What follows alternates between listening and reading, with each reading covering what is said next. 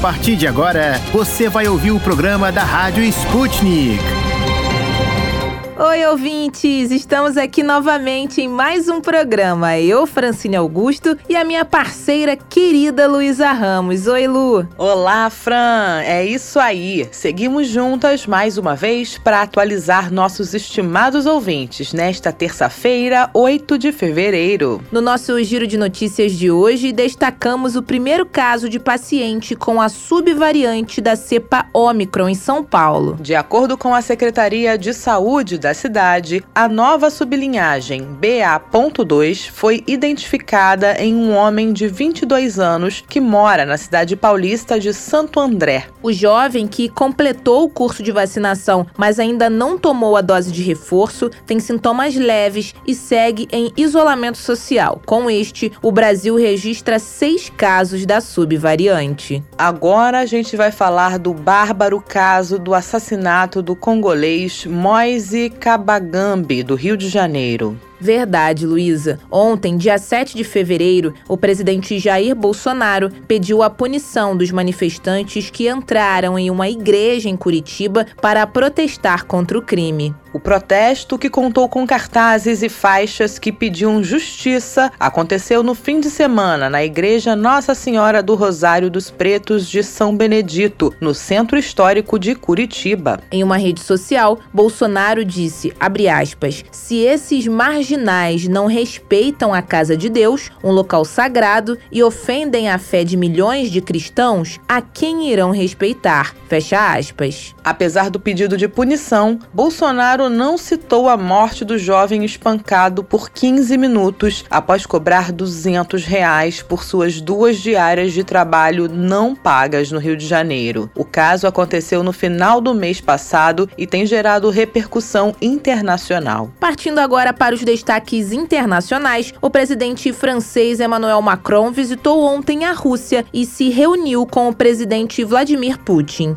Durante uma coletiva após a reunião, Macron afirmou que, aspas, hoje Todos nós devemos achar um caminho de paz na Europa e um caminho de estabilidade na Europa. Agora ainda há oportunidade e tempo para isso. Emmanuel Macron afirmou ainda que a França e a Rússia têm alguns pontos de contato em suas posições e observou que ele e o presidente Vladimir Putin conseguiram encontrar esses pontos na questão da Ucrânia. Nesta terça-feira, 8 de fevereiro, o presidente francês visita Kiev para se reunir com o presidente ucraniano Vladimir Zelensky e discutir a crise em torno do país. Para fechar as notícias internacionais, a China se manifestou contra a expansão da OTAN, afirmando que não haveria contribuição para a segurança e estabilidade globais. Fran, isso de acordo com um comunicado publicado nesta terça-feira 8 no site oficial da missão chinesa na União Europeia. No texto, a China considera considera que a segurança regional não deve ser garantida através do reforço ou da expansão dos blocos militares. Depois desse giro pelo mundo, que tal conferirmos o que preparamos no programa de hoje? E no programa de hoje. No Destrinchando a Charada Brasil, falaremos sobre as federações partidárias nas eleições de 2022. No Esqueceram de Mim em Portugal, as vacinas AstraZeneca, produzida no Brasil e na Rússia, são finalmente aprovadas no país lusitano. O Bombando no YouTube vai dar detalhes do cão robô que está sendo testado pelos Estados Unidos para patrulhar a fronteira com o México. No Destrinchando a Charada Internacional, vamos analisar a situação atual da greve de caminhoneiros no Canadá e se a ação pode ter força suficiente para impactar a economia do país. O Hora do Problema vai contar o perrengue culinário que uma russa passou no Brasil envolvendo um dos pratos mais famosos da gente, a feijoada. O Deu Russo, que é o nosso quadro de bizarrices da Rússia, vai contar o que é preciso para os passageiros do metrô de Moscou sorrirem. Destrinchando a charada. De dentro e fora do Brasil. política, economia, sociedade e tudo que engloba o maior país da América Latina. As charadas mais complicadas do Brasil são destrinchadas aqui.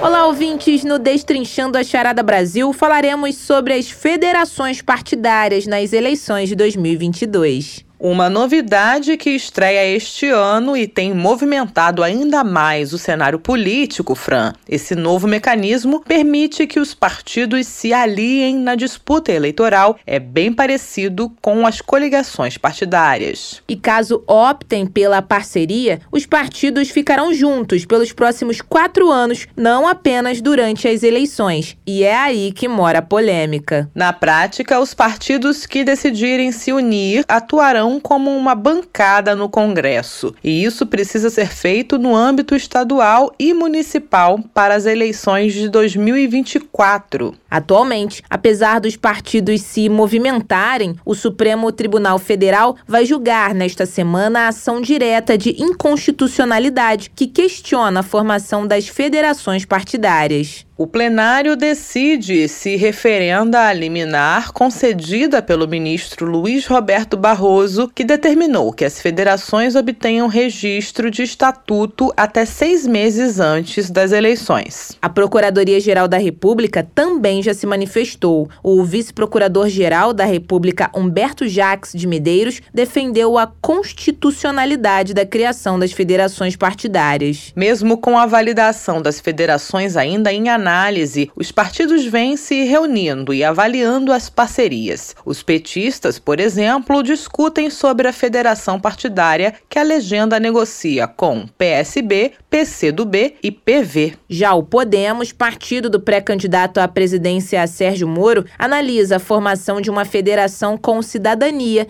e aí por diante. Para avaliar estas parcerias, convidamos agora o cientista político e professor da Universidade do Estado do Rio de de Janeiro, Teófilo Rodrigues. Oi, Teófilo, muito obrigada por conversar com a Rádio Sputnik. Professor, como você analisa a situação das federações no cenário eleitoral? A verdade é que hoje está muito mais encaminhada uma federação de esquerda entre PT, PSB, PCdoB e PV do que uma federação de direita ou de centro-direita. As conversas no âmbito da direita estão mais é, complicadas na medida em que não há uma definição clara de com quem cada partido irá definir sua federação. Vou dar alguns exemplos. O Cidadania, por exemplo, é um partido que tem uma trajetória nos últimos anos muito próximo do PSDB e gostaria, né, sua direção nacional, de fazer uma federação com o PSDB. No entanto, Cidadania tem um candidato, apresentou um pré-candidato a presidente, o senador Alessandro Vieira, que é contra essa federação. Ele defende uma federação com Podemos, do Sérgio Moro, e há outros membros da direção que o acompanham. Então há uma divisão no partido se a federação seria com Podemos de Moro ou se seria com o PSDB de Dória. Não está definido isso ainda. O próprio PSDB passa por essa dificuldade também. Né? Há na, no noticiário a possibilidade de uma federação do PSDB, como eu disse, com cidadania, mas também com o MDB. Muitos têm falado isso. Agora, é muito difícil que aconteça uma federação do PSDB com o MDB. MDB, metade do MDB, todo o MDB do Nordeste, gostaria de fazer a campanha de Lula para presidente. Né? Então é muito difícil que o MDB consiga fechar uma federação com um partido, como o PSDB, que vai ter a candidatura presidencial de João Dória, que não é um candidato que anima o PMDB, o MDB do Nordeste, né? só anima o MDB de São Paulo. Então tem essas dificuldades, eu diria. A federação de esquerda, ao contrário, já está muito bem encaminhada. Só falta para a federação fechar entre PT, PSB, PCdoB e PV. Só falta ajustar os últimos detalhes de São Paulo, em torno da chapa ao governo e ao Senado, né? Se será com Márcio França, se será com Fernando Haddad. Ajustando esse detalhe, a federação está pronta. Inclusive, já montaram um estatuto para a federação, para ver como ela está avançada, né? Já as direções desses quatro partidos já montaram a governança da federação, como será. Então, me parece que nos próximos meses essa federação estará pronta. Teófilo, as federações estudadas têm força para aumentar a capacidade eleitoral dos presidenciáveis? A federação até pode aumentar a capacidade eleitoral dos presidenciáveis, mas não é exatamente esse o motivo que a orienta. Né? As federações têm muito, dizem muito mais respeito à formação de bancadas para a Câmara dos Deputados. Então, para PV e PCdoB, por exemplo, estar na federação com PT e PSB é importante para poder superar a cláusula de barreira, eleger mais deputados, aumentar a influência eleitoral no parlamento. Essa que é a razão fundamental. Para o cidadania a mesma coisa. Cidadania, o interesse dele hoje é em conseguir sobreviver à cláusula de barreira e é por isso que busca hoje uma federação. Agora, é claro que esse pode ser um instrumento para ampliar a coalizão dos candidatos presidenciáveis. O PV, por exemplo, ao entrar, ao propor a entrada nessa federação junto com o PT, PSB e PCdoB, vem com isso apoiar a coligação majoritária em torno da candidatura do presidente Lula, algo que nunca tinha acontecido, né? O PV nos últimos anos não estava apoiando PT, né? Então ampliou, de certo modo, a candidatura de Lula. Quando João Dória busca uma federação com o MDB, é nesse sentido, né? Do PSDB com o MDB, de trazer Simone Tebet, a candidata, senadora, candidata presidencial do MDB, para ser sua vice. Então, certamente tem transborda para as candidaturas presidenciais, mas não é isso o que orienta prioritariamente a questão das bancadas para o Congresso, que é o que está determinando a configuração dessas federações. Para alguns especialistas, as federações são uma revolução na política brasileira. É isso mesmo? Me parece que a federação partidária é a grande novidade do sistema político brasileiro e tem uma potencialidade de modernizar o sistema político brasileiro brasileiro, na medida em que as federações partidárias fomentam alianças duradouras, de longo prazo, entre partidos com afinidades políticas, com afinidades programáticas, partidos de um mesmo campo. Né? Antigamente, os partidos podiam fazer alianças com partidos com outros partidos muito diferentes, com programas diferentes, porque era uma questão só do cálculo eleitoral. A coligação funcionava só na eleição. Com a federação, não. Como a federação é duradoura, ela tem que durar pelo menos os quatro anos do mandato, a tendência é que os partidos busquem alianças com outros próximos do seu campo.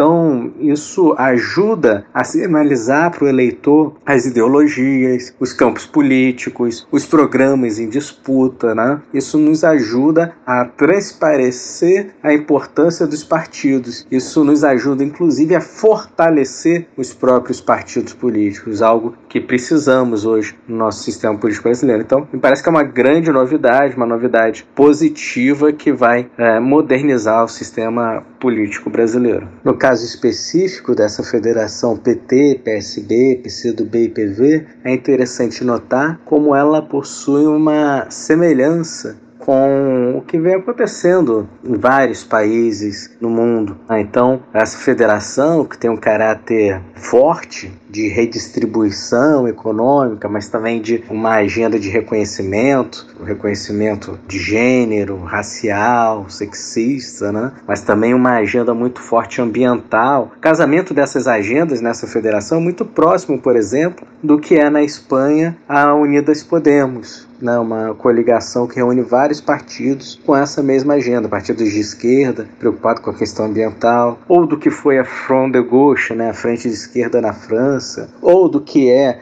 a Prova de Dignidade no Chile, que recentemente elegeu o Gabriel Boric presidente, ou a Frente Ampla do Uruguai, lá do Mujica. Então, essa federação entre o PCdoB, o PV, o PT e o PSB, ela parece caminhar na mesma direção de outros agrupamentos políticos, de outras frentes políticas que acontecem pelo mundo e que têm sido grandes novidades, novidades certamente inspiradoras, porque dialogam com toda essa essa agenda própria do século XXI, né, que é uma agenda que realiza o casamento da proteção ambiental, uma questão ecológica em tempos de mudanças climáticas, conjuga essa agenda ambiental com a agenda da redistribuição econômica, das políticas sociais, mas também do combate ao racismo, ao machismo, ao sexismo. Me parece a grande inovação política do Brasil nesses últimos anos. Muito obrigada por conversar conosco. A gente ouviu o cientista político e professor da Universidade do Estado do Rio de Janeiro, Teófilo Rodrigues. Agora, quem também traz algumas análises sobre a questão das federações nas eleições deste ano é o Ismael Almeida. Ele é cientista político e especialista da Fundação da Liberdade Econômica. Olá, Ismael Almeida. Agradecemos muito por aceitar nosso convite hoje. Bom, Ismael, essa nova configuração de blocos partidários pode fazer frente ao Centrão, sendo hoje a maior força política do Congresso? Bom, preciso reforçar que a principal ideia de uma federação partidária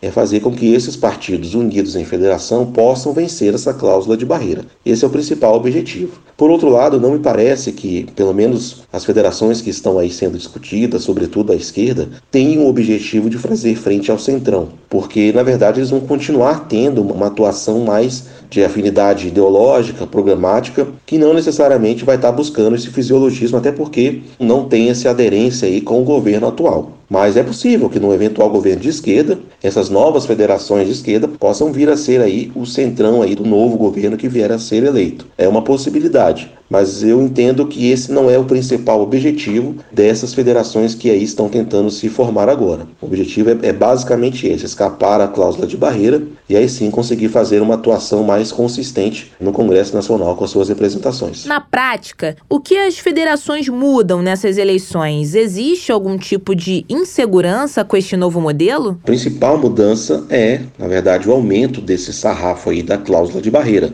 que em 2018 era de 1,5% dos votos válidos e agora em 2022 será de 2% dos votos válidos, ou alternativamente eleger 11 deputados federais em nove estados no mínimo. Então essa é a mudança principal e que dificulta bastante aí a sobrevivência dos partidos que já não tiveram um desempenho muito bom na última eleição geral e também na municipal, porque esses votos dados na eleição municipal também são um termômetro do que acontece na eleição geral. E então essa essa peça é a principal novidade para 2022 e por isso que essa discussão de federação, fusão entre partidos está tão em alta nesse momento, porque eles estão agora realmente buscando maneiras é, de continuar sobrevivendo né? e, sobretudo, tendo acesso aí ao fundo partidário e ao tempo de TV. Apesar de ser, no papel, uma ideia muito interessante, porque vai propiciar o enxugamento, né, a diminuição do número de partidos no Brasil, que é uma loucura, né? São muitos partidos. A ideia da federação ainda precisa ser testada no país, apesar de não ser uma ideia nova no mundo,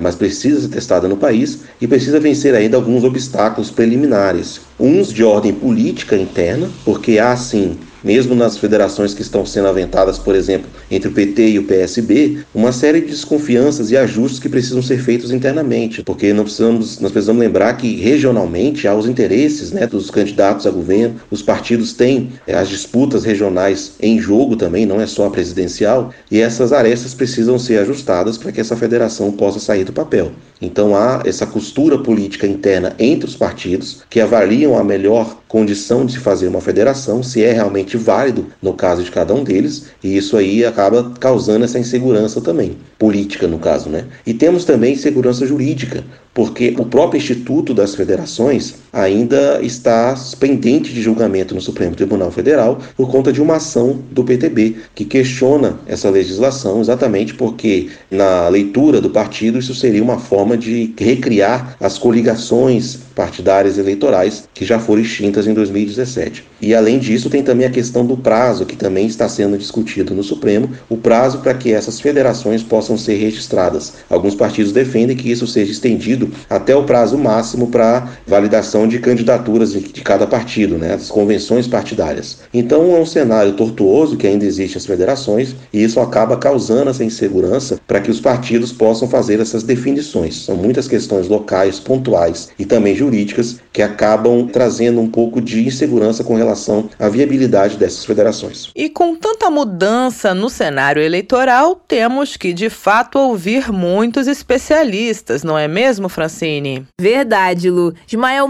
muito obrigada por tirar as possíveis dúvidas dos nossos ouvintes. Conversamos com o cientista político e especialista da Fundação da Liberdade Econômica, Ismael Almeida. E é isso, prezados ouvintes. O Destrinchando Charada Brasil de hoje vai chegando ao fim. Até mais.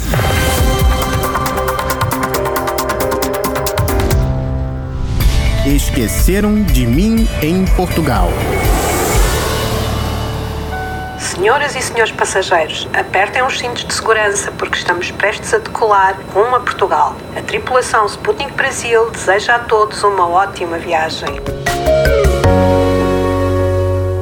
A nossa correspondente na Europa já está por aqui conosco na apresentação do programa da Sputnik. Por isso, vamos direto atualizar as informações da região, caros ouvintes. O que você nos conta hoje, Luísa Ramos? Notícias boas? Sim, muito boa, Fran, e é sobre a AstraZeneca fabricada no Brasil. As autoridades portuguesas passaram a aceitar uma série de vacinas estrangeiras para efeitos de emissão do certificado de Covid, corroborando a notícia que demos ontem de que agora não precisa mais de teste negativo recente para viajantes entrarem em Portugal, bastando apresentar o certificado digital Covid-19 da União Europeia ou outro comprovativo de vacinação reconhecido. Mas ainda não se sabia exatamente quais outros imunizantes seriam aceitos. Isso porque até agora só serviam para a validação do certificado digital as vacinas aprovadas pela Agência Europeia do medicamento, que eram a da Moderna, a da Pfizer, a da Janssen, a da AstraZeneca Vaxzevria e da indiana Covovax. Mas Portugal passou a aceitar três vacinas estrangeiras novas, o que acaba incluindo a AstraZeneca brasileira e a russa, que são parte de um desses três consórcios agora aceitos. Fran. Excelente notícia. Conta mais detalhes disso, Lu. Bom, segundo o documento do Infarmed e da Direção-Geral da Saúde Portuguesa, quem levou as vacinas chinesas Sinopharm Verocell e Sinovac Coronavac, ou a da multinacional indiana Bharat Biotech Internacional, a Covaxin, e as suas sublicenciadas, produzidas no Canadá, no Brasil e na Rússia, também são aprovadas e passam igualmente a ser aceitas para a emissão de certificado Covid-19, trocando em miúdos as vacinas AstraZeneca produzidas pela Fiocruz do Rio de Janeiro e, no caso russo, pela R-Farm, estão incluídas. O documento oficial lembra ainda que atualmente são utilizadas várias vacinas contra a Covid-19 com enquadramentos regulamentares distintos, o que significa que podem chegar ao território nacional cidadãos vacinados com outras vacinas e esquemas vacinais diferentes dos recomendados em Portugal. Evolução.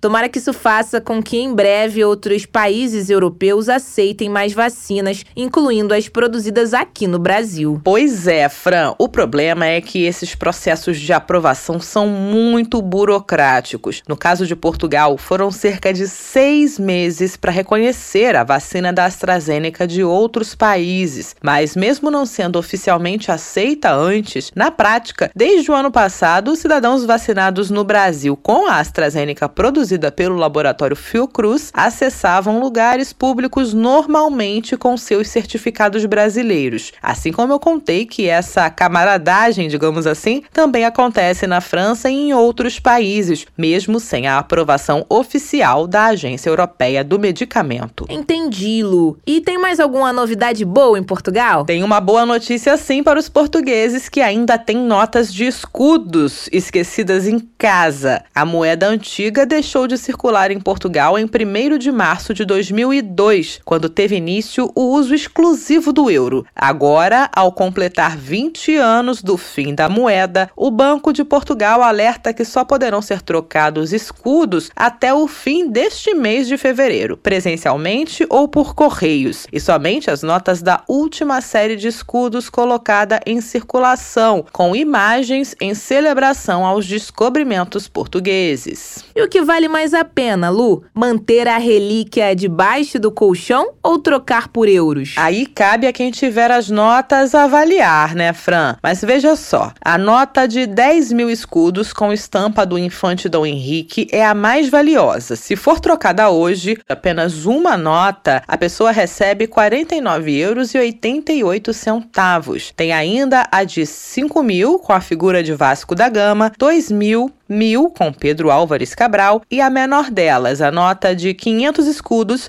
que vale apenas R$ 2,49. Em reais, a maior vale cerca de 300 reais e a menor 15. Por isso, tem que pensar aí e ver bem se vale a pena se deslocar ou enviar uma carta registrada para efetuar essa troca, se for por pouco dinheiro, né? Com certeza, Lu. Se a pessoa só tiver uma nota de 500 escudos, que vale cerca de 15 reais, não paga nem o metrô de Lisboa e de volta. Brincadeiras à parte, adorei as informações de hoje. Portugal agora com a AstraZeneca do Brasil e da Rússia, super permitidas em solo lusitano para validação do certificado digital e velhos tesouros válidos para troca até o fim do mês. Obrigada, Lu!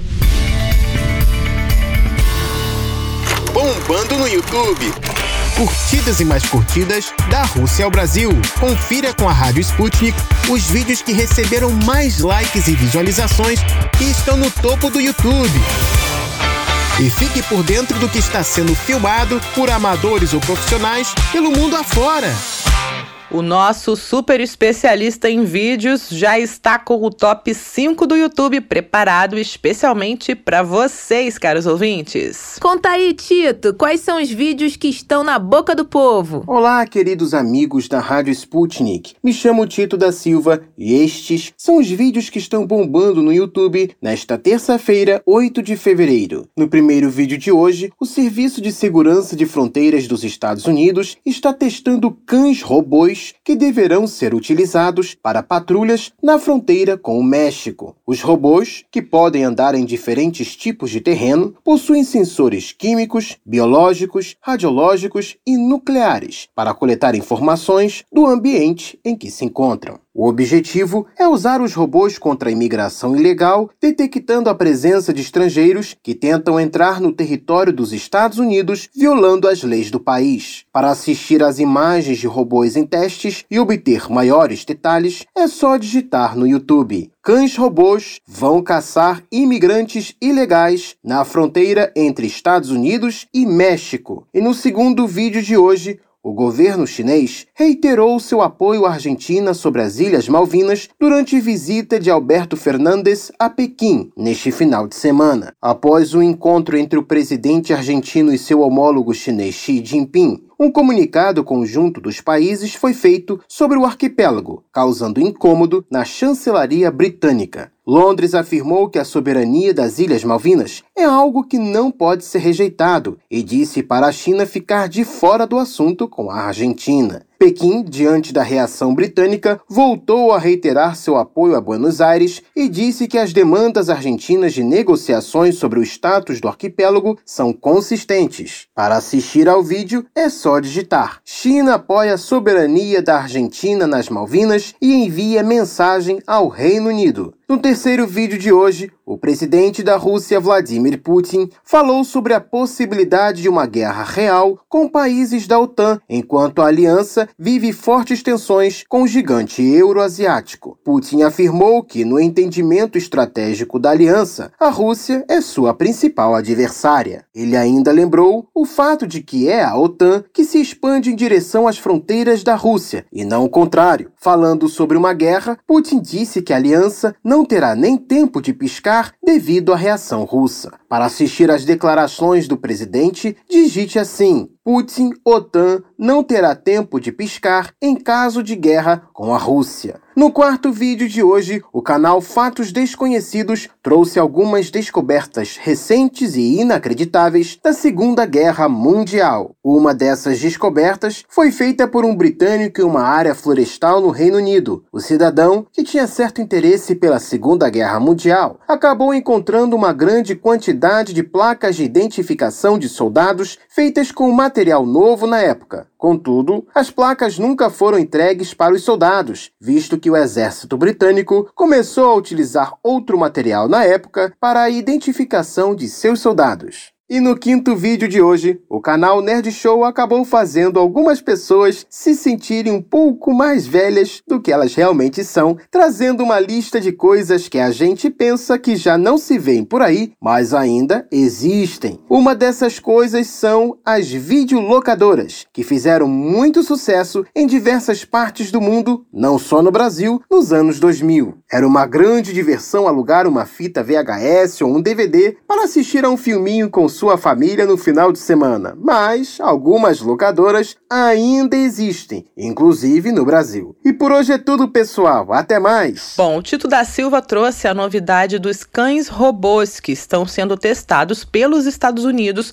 e nesses momentos eu até tenho a impressão de que já estamos vivendo no futuro. Um robô muito parecido com esse aí, que está sendo testado para patrulhar a fronteira com o México, foi divulgado em outubro do ano passado que em suas costas trazia um rifle. Pois é, e além do rifle, o robô era munido com um zoom ótico de até 30 vezes, câmera térmica para mirar no escudo e alcance de 1.200 metros. Mesmo com todas as semelhanças, o robô do ano passado foi exibido na Conferência Anual de 2021 da Associação do Exército dos Estados Unidos e tinha como designação o reconhecimento de terreno pelo Exército exército norte-americano. Seria esse o momento dos cachorros de metal, caros ouvintes? Bem, vamos torcer para que não vire moda a compra de robôs com rifles nas costas, né? Tito, muito obrigada pelo top 5 do YouTube de hoje. Abraços!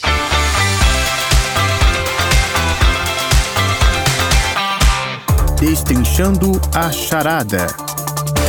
Encruzilhada Internacional relações políticas, socioeconômicas e muito mais entre as nações deste mundão. Da Rússia aos Estados Unidos. Encontre com a gente as respostas às perguntas do momento.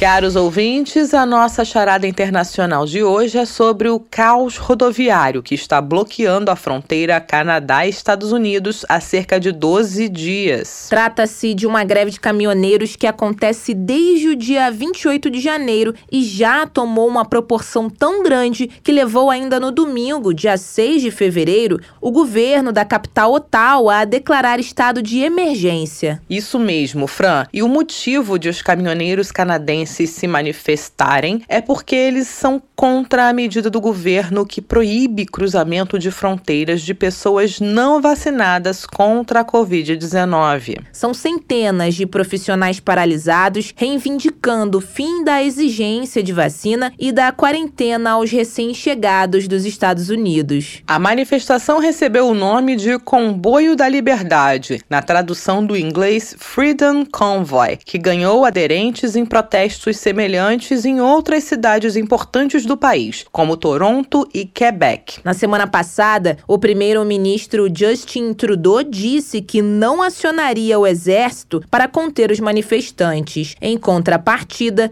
o prefeito de Ottawa, Jim Watson, declarou a Reuters que existe, abre aspas, a necessidade de apoio de outras jurisdições a níveis de governo, fecha aspas. Watson, que decretou situação de emergência em Ottawa, disse que os protestos em andamento são, aspas, um sério perigo e ameaça à segurança e proteção dos moradores. Não se sabe quando as manifestações irão acabar. A mídia local relata que há uma cadeia de suprimentos refinada que sustenta os caminhoneiros, incluindo saunas portáteis e cozinha comunitária. Para compreendermos os impactos desse movimento e quais perigos representa no Canadá, conversamos com Roberto Webel, professor de Relações Internacionais da ESPM de Porto Alegre e pesquisador de temas de geopolítica, geoeconomia e geografia dos negócios internacionais. Seja bem-vindo, professor. Roberto, obrigada por sua presença hoje. Por favor, conta pra gente em que pé andam os protestos. Os caminhoneiros canadenses também reivindicam melhorias trabalhistas ou o movimento é puramente anti-vacinação? Esses protestos dos caminhoneiros no Canadá são majoritariamente caminhoneiros anti-vacina e também que reclamam contra as medidas de lockdown e de distanciamento social impostas tanto pelo governo canadense como pelos governos das províncias. Né? Então, o mote central é ser contra a vacinação obrigatória e também estas restrições impostas pelos governos provinciais e pelo governo federal. Muitas das atividades econômicas só são possíveis se as pessoas são vacinadas, como é em boa parte da Europa, boa parte da Austrália, Nova Zelândia, países do, do Sudeste Asiático têm adotado esse tipo de medida. O Canadá também adotou. Eu não vejo, por exemplo, reivindicações trabalhistas. Se a gente comparar com os dados de outros países, como México, Estados Unidos, os caminhoneiros canadenses têm salários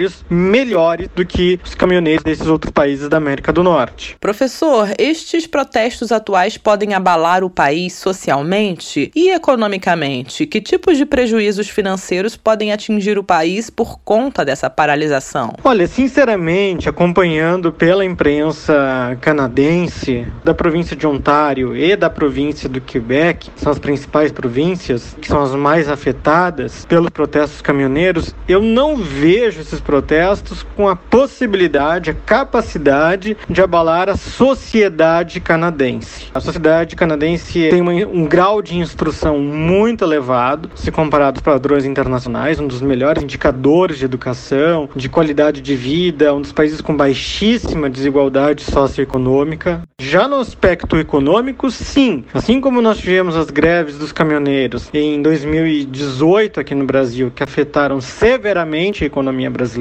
isso pode influenciar sim o Canadá. Claro que numa proporção muito menor, porque o Canadá é um país que também utiliza as ferrovias como meio de transporte de mercadorias. Né? Então esse impacto não é tão grande, dadas as proporções, quanto aquele impacto que o Brasil teve em 2018. A imprensa canadense tem falado que pode faltar eventualmente algum tipo de produto nos supermercados, algum tipo de commodity para as empresas, né, para as indústrias, mas não que possa causar um desabastecimento generalizado no país. Até porque o Canadá é um país continental, né? Então, ao contrário do Brasil, em que nós temos uma relação de dependência entre as diferentes regiões, tanto a costa leste, que é ali é as províncias principais, né, de Ontário e Quebec, como a costa oeste, a província da Colômbia Britânica, que tem a cidade de Vancouver e de Victoria, que são as duas grandes cidades, né? E aí você tem um grande meio, né, um grande Midwest, quase que inabitado no país, são regiões quase que autônomas. Então, eu não posso dizer, por exemplo, que Toronto depende de Vancouver, economicamente falando, ou que Victoria depende da cidade do Quebec ou de Montreal, por exemplo. Eu não vejo um impacto significativo para que possa causar um desabastecimento geral no país ou até mesmo afetar severamente as exportações canadenses. Bom, sabemos que Trudeau, primeiro-ministro e líder do Partido Liberal Canadense, é um apoiador da vacinação para conter o avanço da variante Omicron no país. A população do Canadá também aderiu bastante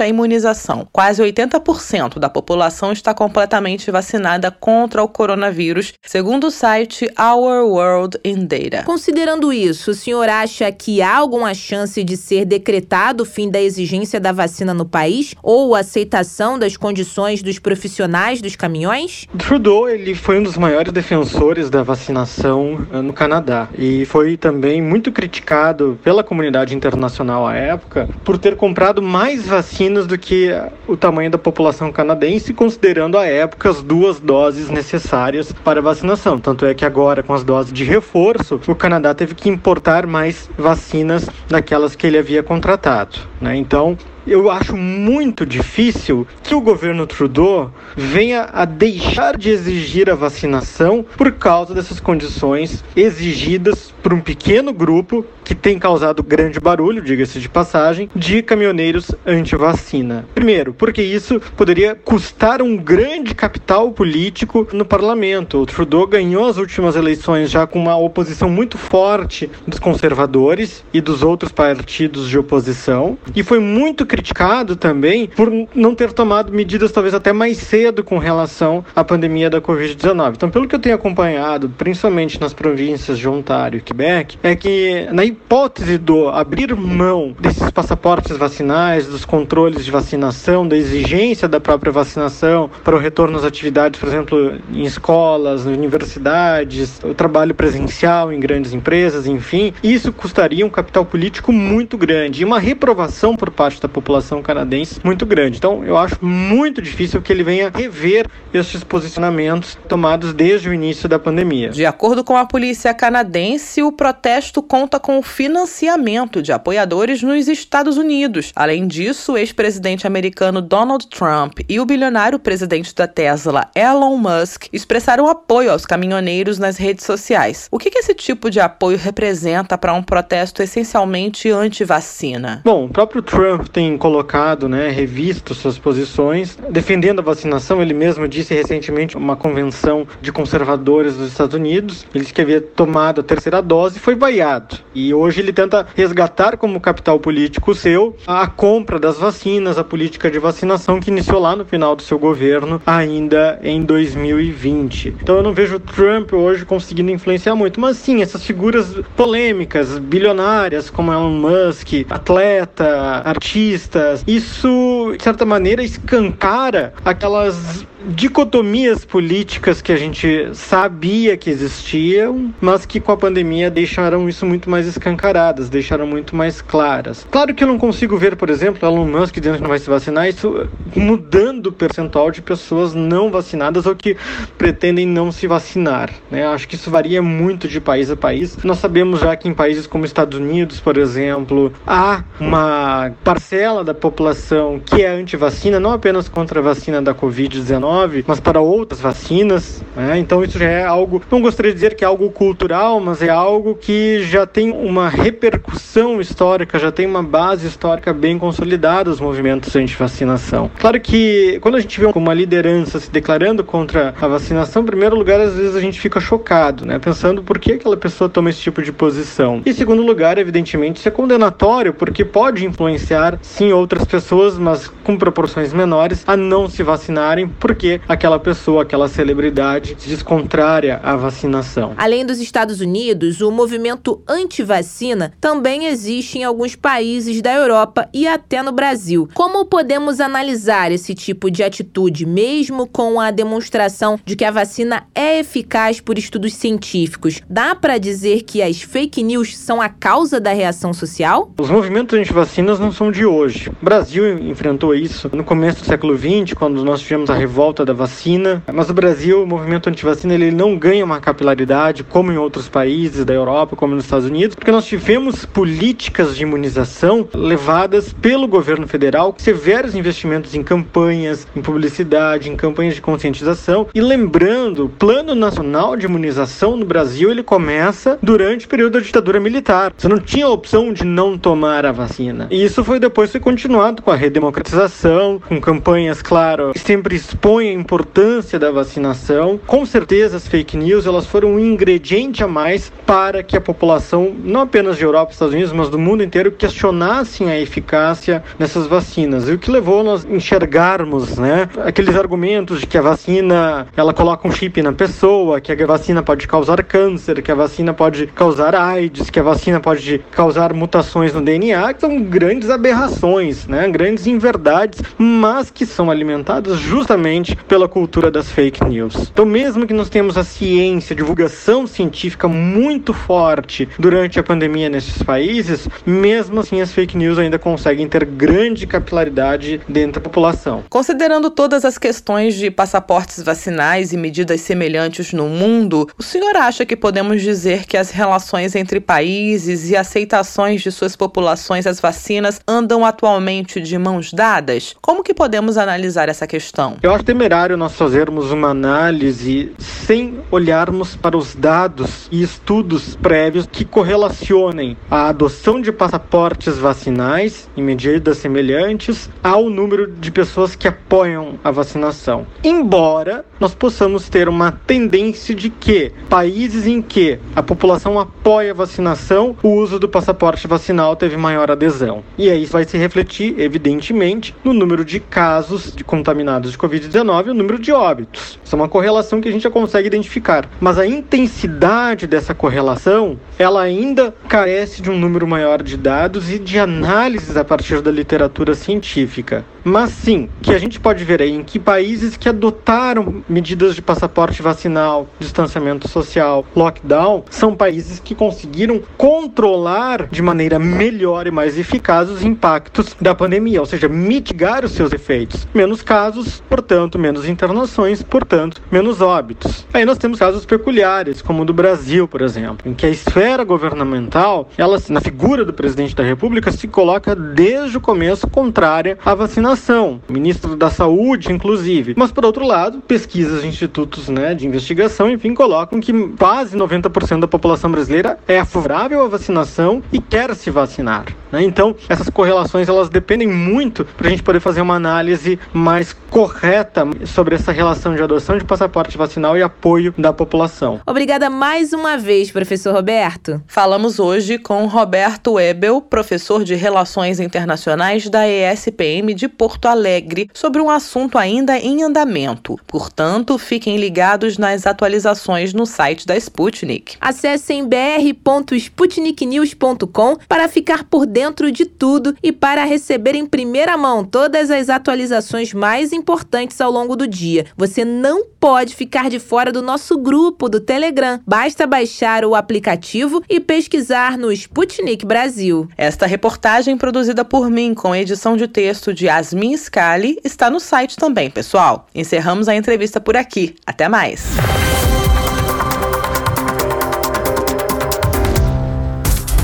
Hora do problema. Sabe aquela história que é melhor nem contar de tão complicada que é? Perrengue na Rússia, sufoco no Brasil e muito mais. Sente aí que lá vem história. Luísa, você sabe preparar uma feijoada? Olha, Fran, não é querendo me gabar, não, mas a minha feijoada já recebeu elogios no Brasil e em Portugal. Dizem que é muito boa, viu? É chefe internacional que chama? Nossa, deu até vontade de provar. Lu, e o que na sua feijoada não pode faltar? Fran, eu amo aquela linguiça chamada paio, mas que só tem no Brasil. Lá eu consigo achar e coloco paio na feijoada. Mas quando eu fiz em Portugal, eu não achei, só achei a calabresa. Ficou muito gostosa, mas faltou aquele saborzinho defumado do paio que só tem no Brasil. Mas a gente não deixa de fazer a feijoada e dar aquela adaptada. Mas você coloca ingredientes mais tradicionais da feijoada brasileira, como pé de porco, orelha, rabo de porco? A minha mãe, quando faz, coloca tudo isso para dar mais sabor, Fran. Eu nunca coloquei, porque eu acho que fica muito pesada, muito gordurosa a feijoada, né? Que já é uma comida bem pesada. Eu só capricho mesmo no lombo, na carne seca, bacon e linguiças. Deve ficar uma delícia, Lu. Eu como todo tipo de feijoada, da mais tradicional à mais gourmet. Eu não posso nem ver uma feijoada que eu já vou pegando meu pratinho. eu também sou dessas, Fran, mas nem todo todo mundo gosta de feijoada, viu? Principalmente quando não se sabe exatamente o que é que vai ter neste prato brasileiro. Muitos estrangeiros, por exemplo, acham estranho. Vamos bater um papo com a russa Ekaterina Putkova sobre o seu primeiro contato com a nossa tão famosa feijoada. Ekaterina mora há dois anos no Brasil. Olá, Kátia! Всем привет! Oi para todos! Oi para a Rádio Sputnik, tudo bem com vocês? Meu nome é Ekaterina Putkova Mikhailovna. Sou da Rússia, da cidade de Kazan, que localiza na República Tataristão. E agora, atualmente, eu moro no Brasil. Moro no sul do Brasil, estado do Paraná, e eu sou professora de russo. E trabalho online, dou aulas de russo para os brasileiros. Kátia, morando no Brasil há dois anos, muita coisa já deve ter acontecido com você, né? Conta pra gente o que, que você acha. Os brasileiros são ou não são gente boa? Brasileiros aqui gostam dos uh, estrangeiros. Eu entendi isso quando aconteceu uma vez comigo que um, eu fui no restaurante com família, né, aqui no Brasil, e quando descobriram que eu sou estrangeira, que eu sou russa, me deram um prato de graça, porque eu era estrangeira. Todos os brasileiros aqui tratam estrangeiros de uma forma diferente, de uma forma muito legal incrível, sabe? E isso é muito impressionante, né? Porque tem países onde, por exemplo, pessoas não gostam das estrangeiras e aqui é o contrário. E isso me impressiona bastante. E rolam alguns estereótipos sobre a Rússia aí onde você mora no Brasil? Aqui tem muitos estereótipos sobre a Rússia, tipo vodka, sei lá, urso na rua da Rússia, né? Frio o tempo todo. E aconteceu comigo que ah, cheguei na casa de um amigo e ele me presenteou na entrada de casa uma vodka, só porque eu era russa. Mas uma assim, situação chocante, eu acho que não aconteceu comigo não. Felizmente, né? Que não aconteceu nada assim. Kátia, se é amigo, então é só brincadeira. Os brasileiros adoram tirar uma onda, mas não quer dizer que acreditam mesmo que na Rússia dá para ver o urso passeando pelas ruas. Se bem que até dá, viu? Já contamos histórias aqui de ursos que xeretam as ruas de pequenas cidades russas, mas não é uma norma nacional, ouvintes. Cada país tem seus costumes, né? Mas liberar passeio de ursos pelas ruas não é um costume russo, não, ouvintes, não se enganem. Mas e você, Kátia? Teve algum costume do Brasil que te pegou de surpresa? Ah, sobre os costumes brasileiros que me pegaram de surpresa, tem esses costumes sim. Primeira coisa mais chocante, talvez, é jeito de cumprimentar as pessoas. Aqui no Brasil é muito normal beijar pessoa, mesmo se ele fosse desconhecida. Mas para mim, para uma russa, isso era um pouquinho mais é um pouquinho estranho, difícil de me adaptar. Beijar a pessoa, né? Abraçar, assim, quando ela é desconhecida para você. Eu entendo, né? Isso é um costume brasileiro, porque pessoas são colorosas, aqui abertas. E no início era muito difícil para mim aceitar isso. Agora eu acho que é um costume, assim, que sem esse costume, não consigo mais viver, né? claro, talvez às vezes eu não beijo pessoa, né? Mas eu sempre abraço e tal. Então é diferente, diferente jeito de cumprimentar mesmo. E que outro costume brasileiro você não sabe viver sem? O outro costume é usar Chanel o tempo todo. Meu Deus, tempo todo, tomando banho, em casa, tipo, fazendo tudo com chinelo. Agora não consigo mais ficar sem chinelo, que me pegou esse costume. Agora só com chinelo. Kátia, explica isso melhor. Como assim você não sabe viver sem chinelo? Lá na Rússia não usam, não é? O Pablo me explicou que os russos andam de chinelo em casa, mas na hora do banho não tem costume de entrar na ducha com chinelo, não. Até porque na Rússia é muito comum ter banheira, aí acabam usando chinelo. Sem contar que tem o inverno, então não dá para sair desfilando de chinelo pelas ruas da Rússia, não é mesmo? Pois é, e o Pablo até disse que mesmo no verão é difícil ver pessoas andando de chinelo, acredita? Diferente do Brasil, né? Mas, Kátia, tem alguma coisa do Brasil que não desce em você de jeito nenhum? É uma situação que aconteceu comigo aqui no Brasil, quando foi um almoço aqui na casa dos nossos amigos. Eu fui na mesa, né, ver o que, que tinha de almoço e tal. E tinha uma panela com algo preto lá. Aí eu pensei, ah, deve ser feijão. Então tá, beleza. E estranho porque não tinha nenhum acompanhamento, né, assim, como arroz, carne, só tinha alguma coisa estranha preta. E eu lembro que eu coloquei na prata e tal, sentei, comecei a experimentar e senti na boca alguma coisa lisa, alguma coisa nojenta, sabe? Assim, não gostei. Aí tirei eu vi que era uma orelha da porco. Eu não gosto de porco, eu não gosto de, de pele, especialmente. E isso me, nossa, chocou bastante. Eu fiquei muito impressionada que aqui no Brasil vocês têm, não sei, vocês colocam pele de porco ou porco na feijoada. Então, feijoada é uma coisa, uma comida para mim não aceitável, não consigo, não dando certo. Então, essa situação que aconteceu comigo me impressionou e nunca acho que vou esquecer disso. Ai, gente, os amigos da Kátia deveriam pelo menos ter avisado que era feijoada, né? Pois é, gente, a menina chegou no almoço sem nem saber o que, que ia encontrar, mas eu achei a Kátia muito aventureira. Fingiu o costume, se serviu e provou. Pena que não teve a experiência completa, com farofa, arroz, laranja e couve refogada no alho. Hum. Kátia, você vai ter que provar a feijoada da Luísa. E assim, eu tenho certeza que sua opinião sobre feijoada vai mudar.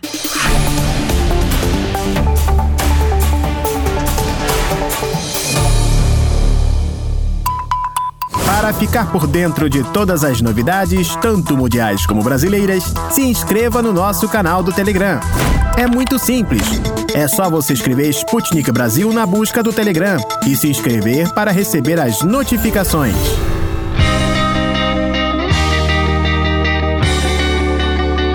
Deu Russo. De notícias bizarras do Brasil já estamos mais que saciados. E as bizarrices que acontecem na Rússia, hein? É outro nível, rapaziada. Ih, deu russo! Sabe aqueles dias que a gente pensa, vai demorar muito para acabar? Depois de um dia longo de trabalho, você entra no metrô ou no ônibus e sonha só com uma coisa: a sua cama. Muita gente sonha com uma cama bem aconchegante, Luísa. Não tem coisa melhor para mim do que depois de um longo dia de trabalho voltar para casa, pedir uma comidinha, assistir alguma coisa na TV e descansar. E o descanso é fundamental, não é mesmo, ouvintes? As pilhas do corpo humano devem ser recarregadas diariamente para a gente aguentar o trampo do dia seguinte. Mas Algumas vezes é no metrô que o estresse já é deixado de lado. Nem precisa esperar para chegar em casa, ouvintes. Querem saber o que é preciso? Nossa, eu estou curiosíssima, porque se no Brasil o metrô não pode ser considerado um meio de transporte relaxante e na Europa, além da demora da chegada dos vagões, ainda tem que enfrentar um arrocha-arrocha de gente, eu não vejo nada que possa ajudar a esquecer os problemas do dia dentro do metrô. Pelo visto, os moscovitas Vitas encontraram a melhor saída, Luísa. Depois de uma desgastante quarta-feira, um passageiro incomum entrou em um dos vagões. E a linha do metrô em questão era a vermelha, ou seja, uma das mais movimentadas de Moscou. Quando menos esperavam, os passageiros que estavam com a cara bem cansada e impaciente acabaram tendo que dividir o vagão com uma alpaca. Isso mesmo, ouvintes, uma alpaca. A alpaca não entrou sozinha no vagão, claro. Com ela estava uma mulher que decidiu não ficar segurando seu animal de estimação pela coleira e deixou a alpaca andando livremente. Toda podada, branquinha, a alpaca saiu, digamos, cumprimentando todo mundo. Era oi para um passageiro, olá para outro, que carente essa alpaca. E ela fazia questão de se aproximar de cada passageiro, que não perdiam a chance de acariciá-la. A alpaca passava e os sorrisos nos rostos dos moscovitas começaram a aparecer. Será que é comum ver pessoas sorrindo no metrô de Moscou? Pergunto porque tem muita gente que fala que lá a galera é mais fechada. Pois é, Fran, o Pablo Rodrigues, que mora em Moscou, até comentou essa semana que é muito difícil ver os russos sorrindo assim de graça, que assim, sem nenhum motivo. Ah, então tem que ter um motivo para sorrir, tipo uma alpaca no metrô, né? Exatamente, Fran. Falando em sorrir, na Rússia, não lembro onde que eu ouvi, mas me disseram que os russos não sorriam no inverno para não quebrar os dentes por causa do frio. Essa dúvida para saber se isso é uma fake news ou não me tirou tanto do sério que eu até perguntei justamente ao Pablo Rodrigues para saber se era verdade. E aí, o que o Pablo falou? Ah, ele disse que não tinha nada a ver, Fran. Ele explicou que o sorriso e a risada são guardados somente para momentos especiais lá na Rússia. Agora imagina só nós duas andando por Moscou, Francine. Com certeza, eu não iria aguentar, sério mesmo. Ia ficar distribuindo sorrisos e gargalhadas e eu acho que você também, né? Lu? Nossa, com certeza, nem me fale. Mas o Pablo Rodrigues já deu uma dica, Fran. É só a gente não tirar a máscara, que aí dá para sorrir bastante sem ficar com peso na na consciência de estar mostrando todos os dentes assim, sem nenhum motivo especial. eu vou usar essa dica do Pablo quando for para Moscou e só vou sorrir sem máscara se eu me deparar com uma alpaca no metrô de lá. Pelo visto, sorrir para alpaca está liberado. Olha, quem quiser conferir o vídeo da alpaca no metrô de Moscou e rir um pouquinho, basta entrar no canal da Sputnik Brasil no Telegram. Eu quero ver vocês não se apaixonarem por ela e não darem uns bons sorrisos, ouvintes.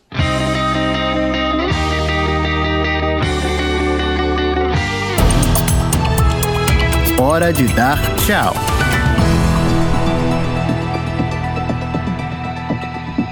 É isso, estimados ouvintes. Chegou a hora de dar tchau. O programa desta terça-feira, 8 de fevereiro, está chegando ao fim, mas não se preocupem, pois dá para permanecer ligado na gente. Basta dar uma passadinha no site da Sputnik Brasil, br.sputniknews.com, para conferir as notícias do momento. Sem contar que os nossos programas podem ser ouvidos também no Spotify, no Apple Podcasts e no Google Podcasts. Estamos super chiques agora, ouvintes. É só buscar pelo podcast Mistura do Brasil com Moscou. Se a sua pegada é vídeo, então o canal da Sputnik Brasil no YouTube é a parada certa, porque lá tem vídeos atuais do que está sendo discutido tanto no Brasil como no resto do mundo. E estamos também no Passarinho Azul, Twitter e no Telegram, claro. Aliás, é no Telegram que a Sputnik Brasil posta os vídeos mais bizarros da Rússia. Passem lá para dar aquela conferida. Caros ouvintes, ficamos por aqui. Aguardamos vocês para o nosso próximo encontro. Amanhã, um forte abraço. O programa da Rádio Sputnik teve apresentação, produção e edição de texto de Francine Augusto e Luísa Ramos. Produção de conteúdos e edição de texto de Tito da Silva e Pablo Rodrigues. A edição e a montagem do programa são de Wellington Vieira e David Costa. A produção geral no Rio de Janeiro é de Everton Maia e Angélica Fontela. E o editor-chefe da redação da Sputnik Brasil no Rio de Janeiro é Renan Lúcio e em Moscou, Konstantin Kuznetsov. Você acabou de ouvir mais um programa da Rádio Sputnik.